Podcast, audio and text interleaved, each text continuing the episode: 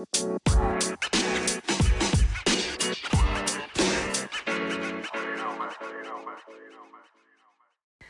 daar, welkom bij de Homens for Health podcast, aflevering 8. Worden vrouwen serieus genomen als het om vrouwenkwaaltjes gaat?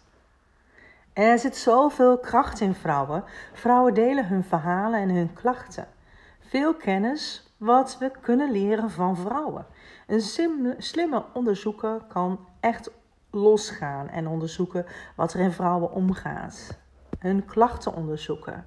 Dat gebeurt veel te weinig. Veel onderzoek is gericht op mannen. Dus er valt nog heel veel te doen. Het gaat erom dat jij de leider wordt van je eigen lichaam en van je eigen klachten. Heb jij je alles afgevraagd waarom artsen je niet altijd begrijpen of je klacht of vraag afdoen met ga maar met de psycholoog praten? Dat je buiten staat zonder gehoord te zijn en geen oplossing, althans opties hebt aangegeven gekregen. Of je hebt gehoord dat er een behandeling is en als je dan aangeeft dat je dat niet wil en vraagt of er alternatieven zijn, er geen antwoord gegeven wordt. Voor je het weet sta je buiten omdat nog steeds alles, alles wat over menstruatie en de cyclus en vruchtbaarheid zo in de taboesfeer zit, praat jij niet makkelijk over. Als vrouw ben je geneigd om je klachten over je, uh, voor je te houden en te denken dat het bijvoorbeeld aan jezelf ligt. Het zal wel, bijvoorbeeld. Het ligt vast aan mij. Ik kan het gewoon niet aan. Niet alleen jij zelf, maar ook anderen geven je het idee dat het allemaal bijvoorbeeld tussen je oren zit. Alsof je ter plekke bedenkt om aandacht te krijgen. Hoe komt het dat als een vrouw iets vraagt, het gezien wordt als aandachtvragen? Juist, iedereen is gewend dat wij vrouwen niet zeuren. We houden honderd ballen in de lucht en lopen onszelf vierkant voorbij. Snappen artsen hoe een vrouwenlichaam in elkaar zit? Hebben ze zich verdiept in onze cyclus en hoe we in de verschillende fasen van de cyclus ons anders kunnen voelen? Van vol energie tot laat maar uh, mij maar lekker even met rust. Het lijkt wel of dit voor artsen al te moeilijk is en uh, ze je snel tevreden willen stellen met een recept voor anticonceptie of hormonen of een ingreep voorstellen. Alsof dat de oplossing is om je probleem op te lossen. Neem bijvoorbeeld het bloedonderzoek naar hormonen. Geven die wel aan, uh, geven die wel een goed beeld? Zegt dat iets over hoe jij je voelt? Het kan heel goed zijn dat de uitslagen prima zijn in de getallen, maar dat jij je een wrak voelt. Een vrouwenlichaam is gecompliceerd en het lijkt wel of jij de enige bent die voelt hoe het van binnen is. Juist, jij bent dus heel goed in staat om te weten wat wel en wat niet een oplossing is. Wanneer je twijfel hebt, wacht. Zoek het eerst goed uit en kom er dan op terug. Met andere woorden, laat je niet overrompelen. Als, je, als ik voor mezelf bijvoorbeeld terugkijk in de tijd, ben ik meerdere malen geconfronteerd met een oplossing, een behandeling, waarvan ik eigenlijk op dat moment al voelde dat het voor mij niet oké zou zijn. Maar toch. Ook als ik dan aangaf dat ik het eh, bijvoorbeeld niet wilde, en wat dan andere opties voor me zouden zijn of er een alternatief is. Meestal hebben die dingen mij alleen maar zieker gemaakt. Niet omdat ik het niet wilde en niet beter wilde worden, maar gewoon omdat ik eigenlijk al wist dat dat niet de beste keuze voor mij was. Ik kwam het boek tegen van Maya Dusenberry, Doing Harm, over de waarheid hoe slechte medische zorg en de luie wetenschap vrouwen niet serieus neemt, misdiagnosticeert en ziek maakt. Ik vind het heftig. Dat is niet niets. Diepe systemische problemen in de zorg die ten koste gaan van vrouwen. Vrouwen die op de spoedeisende hulp komen met een hartaanval en uh, weggestuurd worden met antidepressiva. Het duurt vrouwen jaren langer om een auto-immuunziekte te laten diagnosticeren. Bijvoorbeeld vrouwen met endometriose die verteld wordt dat ze zich aanstellen met normale menstruatiekrampen. Hoort het erbij de eerste dagen? Zo werd fibromyalgie heel lang ontkend. Chronisch vermoeidheidssyndroom. Hoe komt dit? Hoe is dit mogelijk? Vertrouwen artsen die vrouwen niet? Nemen ze de verhalen van vrouwen niet serieus? Weten ze eigenlijk wel en leren ze wel over het vrouwelijk lichaam? Het is zo dat tijdens onderzoek uh, geen onderscheid gemaakt wordt in hoe een medicatie in een vrouwenlichaam reageert. Als je vervolgens bij een arts komt, wordt, er, uh, wordt je afgedaan met hysterisch en je zult je het zelf misschien wel verzinnen.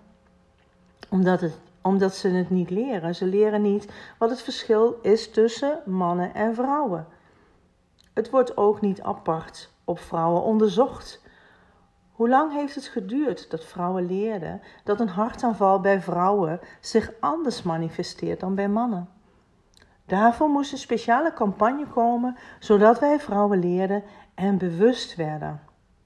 Eén ding is helder: vrouwen verzinnen het echt niet hoor. Het zit niet tussen de oren. Er is altijd een reden waarom en waardoor iets zo ontstaat. Ik kan me geen vrouw bedenken die zich ervoor kiest om oververmoeid te zijn. Vrouwen stralen en zitten lekker in hun vel. Wanneer dat niet zo is, ga bij jezelf na waarom dat zo is. Ik maak deze podcast zodat jij je lichaam beter leert kennen. Dat je weet hoe je hormonen en je cyclus werken, zodat je zelf weet hoe je, uh, uh, hoe je lijf in elkaar zit en waar je behoeften liggen. Dat is uh, dat je met de kennis weet uh, maar ook uh, hoe je kunt praten ten opzichte van een arts. Wat je kunt aangeven over je eigen lichaam. Een belangrijk punt is wanneer je je eigen cyclus monitort. Je, uh, je iedere maand inzicht hebt in wat er in je eigen gezondheid, dus in je eigen lichaam plaatsvindt.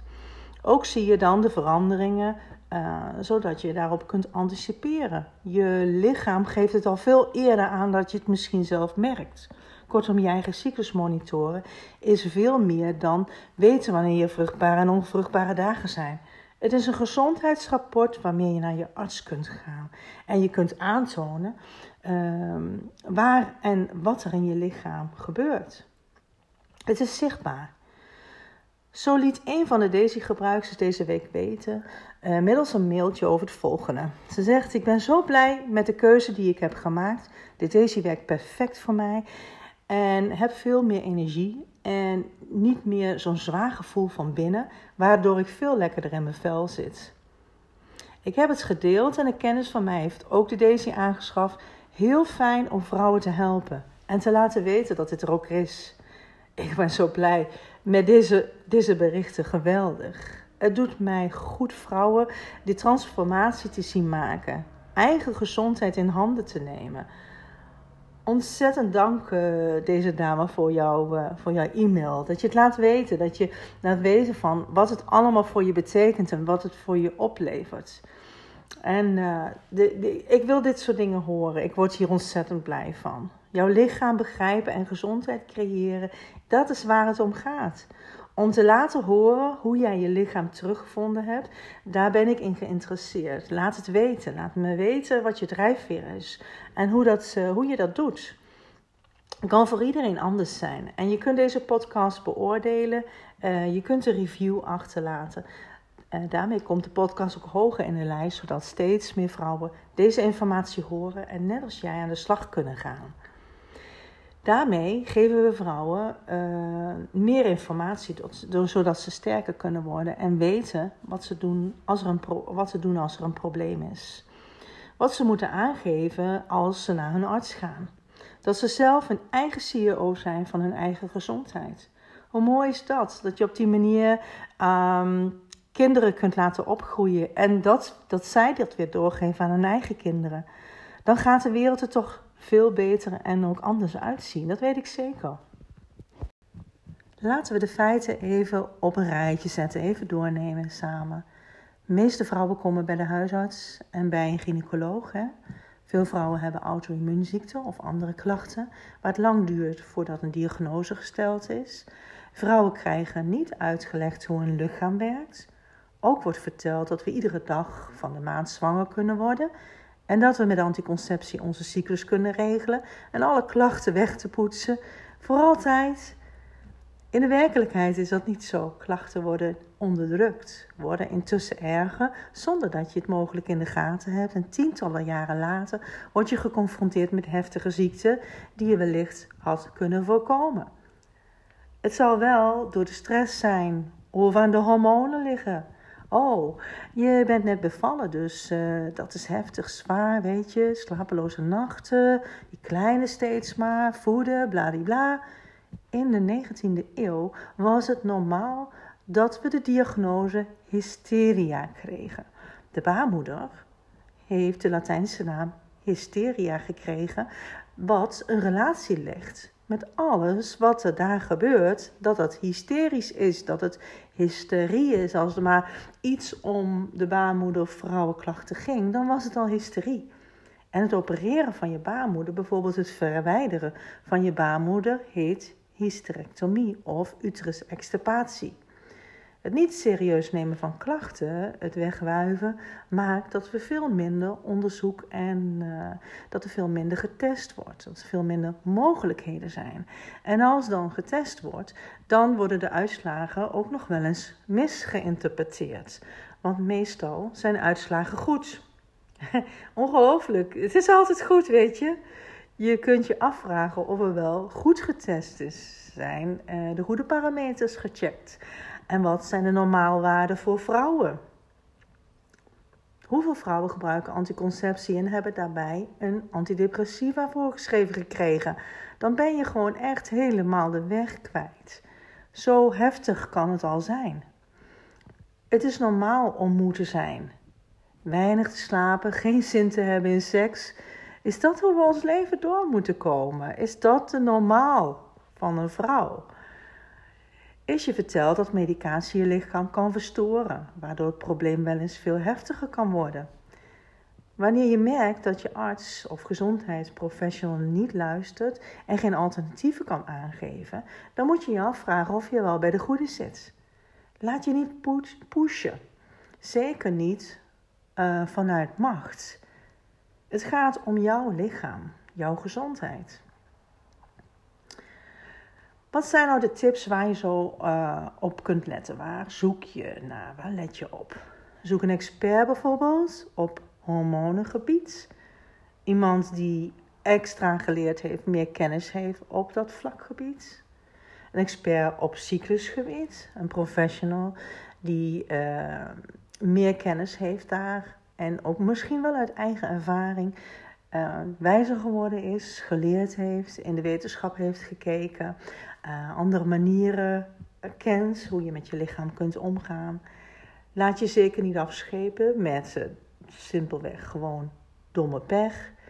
Er zijn altijd vrouwen die hetzelfde hebben en hetzelfde hebben meegemaakt. Steeds meer vrouwen delen hun ervaringen en kennis ook. Vaak weten we meer over wat er in ons vrouwenlichaam, in ons vrouwenlichaam gebeurt. Wanneer je bij een holistisch professional aanklopt, dan word je in het geheel gezien. Hè? Je bent één geheel. Je bent vrouw met alles erop en eraan. Niet alleen een wandelende baarmoeder of uh, de vrouw met migraine cyclusgebonden. Net als een sprookje dat de Mirena-spiraal alleen lokaal in de baarmoeder zou werken. Ik kan me niet voorstellen dat de hormonen van een Mirena-spiraal dus de medicatie, alleen daar blijven. Hoe kan het uh, dat zoveel vrouwen uh, met een spiraaltje dan niet ovuleren? Het wordt toch, eh, dat ovuleren, dat hele proces wordt toch echt vanuit je hoofd aangestuurd. Wanneer je zwanger bent bijvoorbeeld, komt ook via je bloed uh, alle voedingsstoffen bij de baby. En dat gebeurt ook via de baarmoederwand via de placenta die daar tegenaan ligt en vervolgens de navelstreng naar de baby toe. Onze baarmoeder is niet een afgesloten gedeelte van ons lichaam. Dat is een onderdeel van ons lichaam. Wordt ook iedere dag voorzien van bloed en uh, voedingsstoffen. En alles wat daar niet meer nodig is, moet ook afgevoerd worden.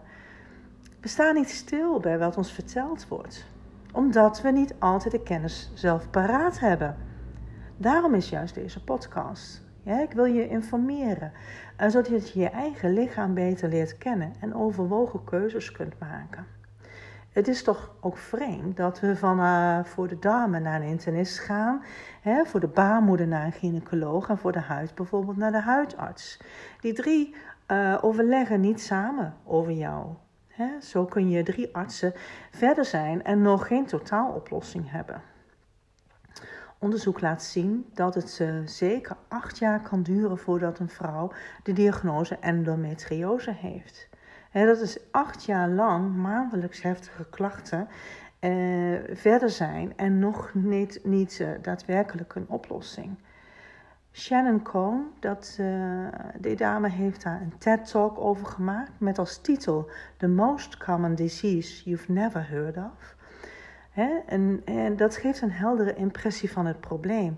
Endometriose komt bij 1 op de 10 vrouwen voor.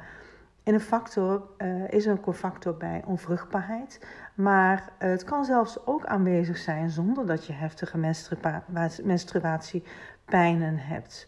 En sinds de laatste vijf jaar komt de awareness dat het een complex beeld is. En dat um, in de toekomst uh, moet er ook onderzoek zijn. Het is natuurlijk ook van de gekke dat dat op dit moment er gewoon nog niet is. Uh, terwijl de klachten en het uh, hele gebeuren echt niet nieuw is.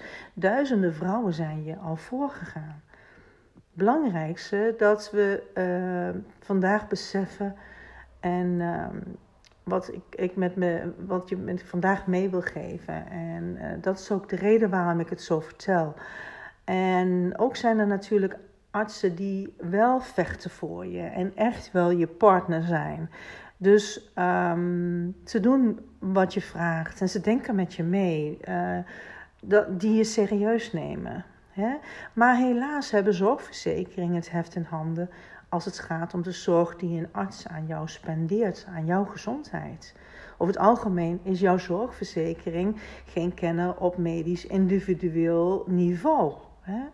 En krijgen we dus altijd standaardzorg aangeboden. Dat verloopt allemaal middels protocol. Als je het eerste protocol hebt gehad en dat heeft geen, dan kan je weer naar het volgende protocol. Zo, dat is namelijk een van de redenen waarom het zo lang kan duren voordat je daadwerkelijk in de diepte zit en, en daadwerkelijk bij een oorzaak aan kunt komen. Dat is de reden ook uh, dat steeds meer gespecialiseerde zorgverleners los van zorgverzekeringen gaan werken. Jaren geleden is de wet veranderd omtrent het recht van de zorgverzekering om toegang te krijgen tot jouw medische dossier. Zo hoef je namelijk pas achteraf te laten weten dat ze je dossier hebben doorgelicht. En, uh, dus je bent helemaal niet op de hoogte. Eerder waren jouw medische gegevens jouw eigendom. Dat is niet meer zo. Daar moet je niet van uitgaan. Artsen moeten zich conformeren ook aan protocollen en afspraken die ze maken met pharma, hè, met de medicatieindustrie. En kunnen dus uh, gecontroleerd ook uh, door de zorgverzekeringen uh, controles plaatsvinden. Hè. Dat, dat, dat, zijn dingen die gecontroleerd worden. En um, daar zit allemaal geld en macht en winst maken achter. Ik vraag me af of dit systeem, hè, want zorgverzekeringen maken dus eh, heel veel winst, uh, of dit systeem wel ten goede komt aan de kwaliteit van zorg. Volgens mij gaan we daar, uh, gaan we daar gewoon ons doel helemaal voorbij. En nou, daarmee wil ik vandaag afsluiten met dit alles. Het is veel stof om over na te denken, dat besef ik me zeker. Maar ja, ik ben daar eerlijk in. Ik wil je dat niet onthouden. En als altijd blijf op de hoogte van jouw lichaam en van jouw gezondheid. En dank je wel voor het luisteren naar weer deze episode van de Hormones for Health podcast. Abonneer je op ons kanaal in iTunes, Google Podcasts, Spotify en deel deze podcast en, en wijs je vriendinnen erop. Hè? Wij waarderen het ook erg dat je onze sterrenreview achterlaat in de iTunes. Zo komen steeds meer mensen uh, achter deze podcast. Dan komt de podcast meer in beeld. En tot de volgende episode met weer nieuwe informatie, zodat jij een gelukkig en gezond leven kunt leven.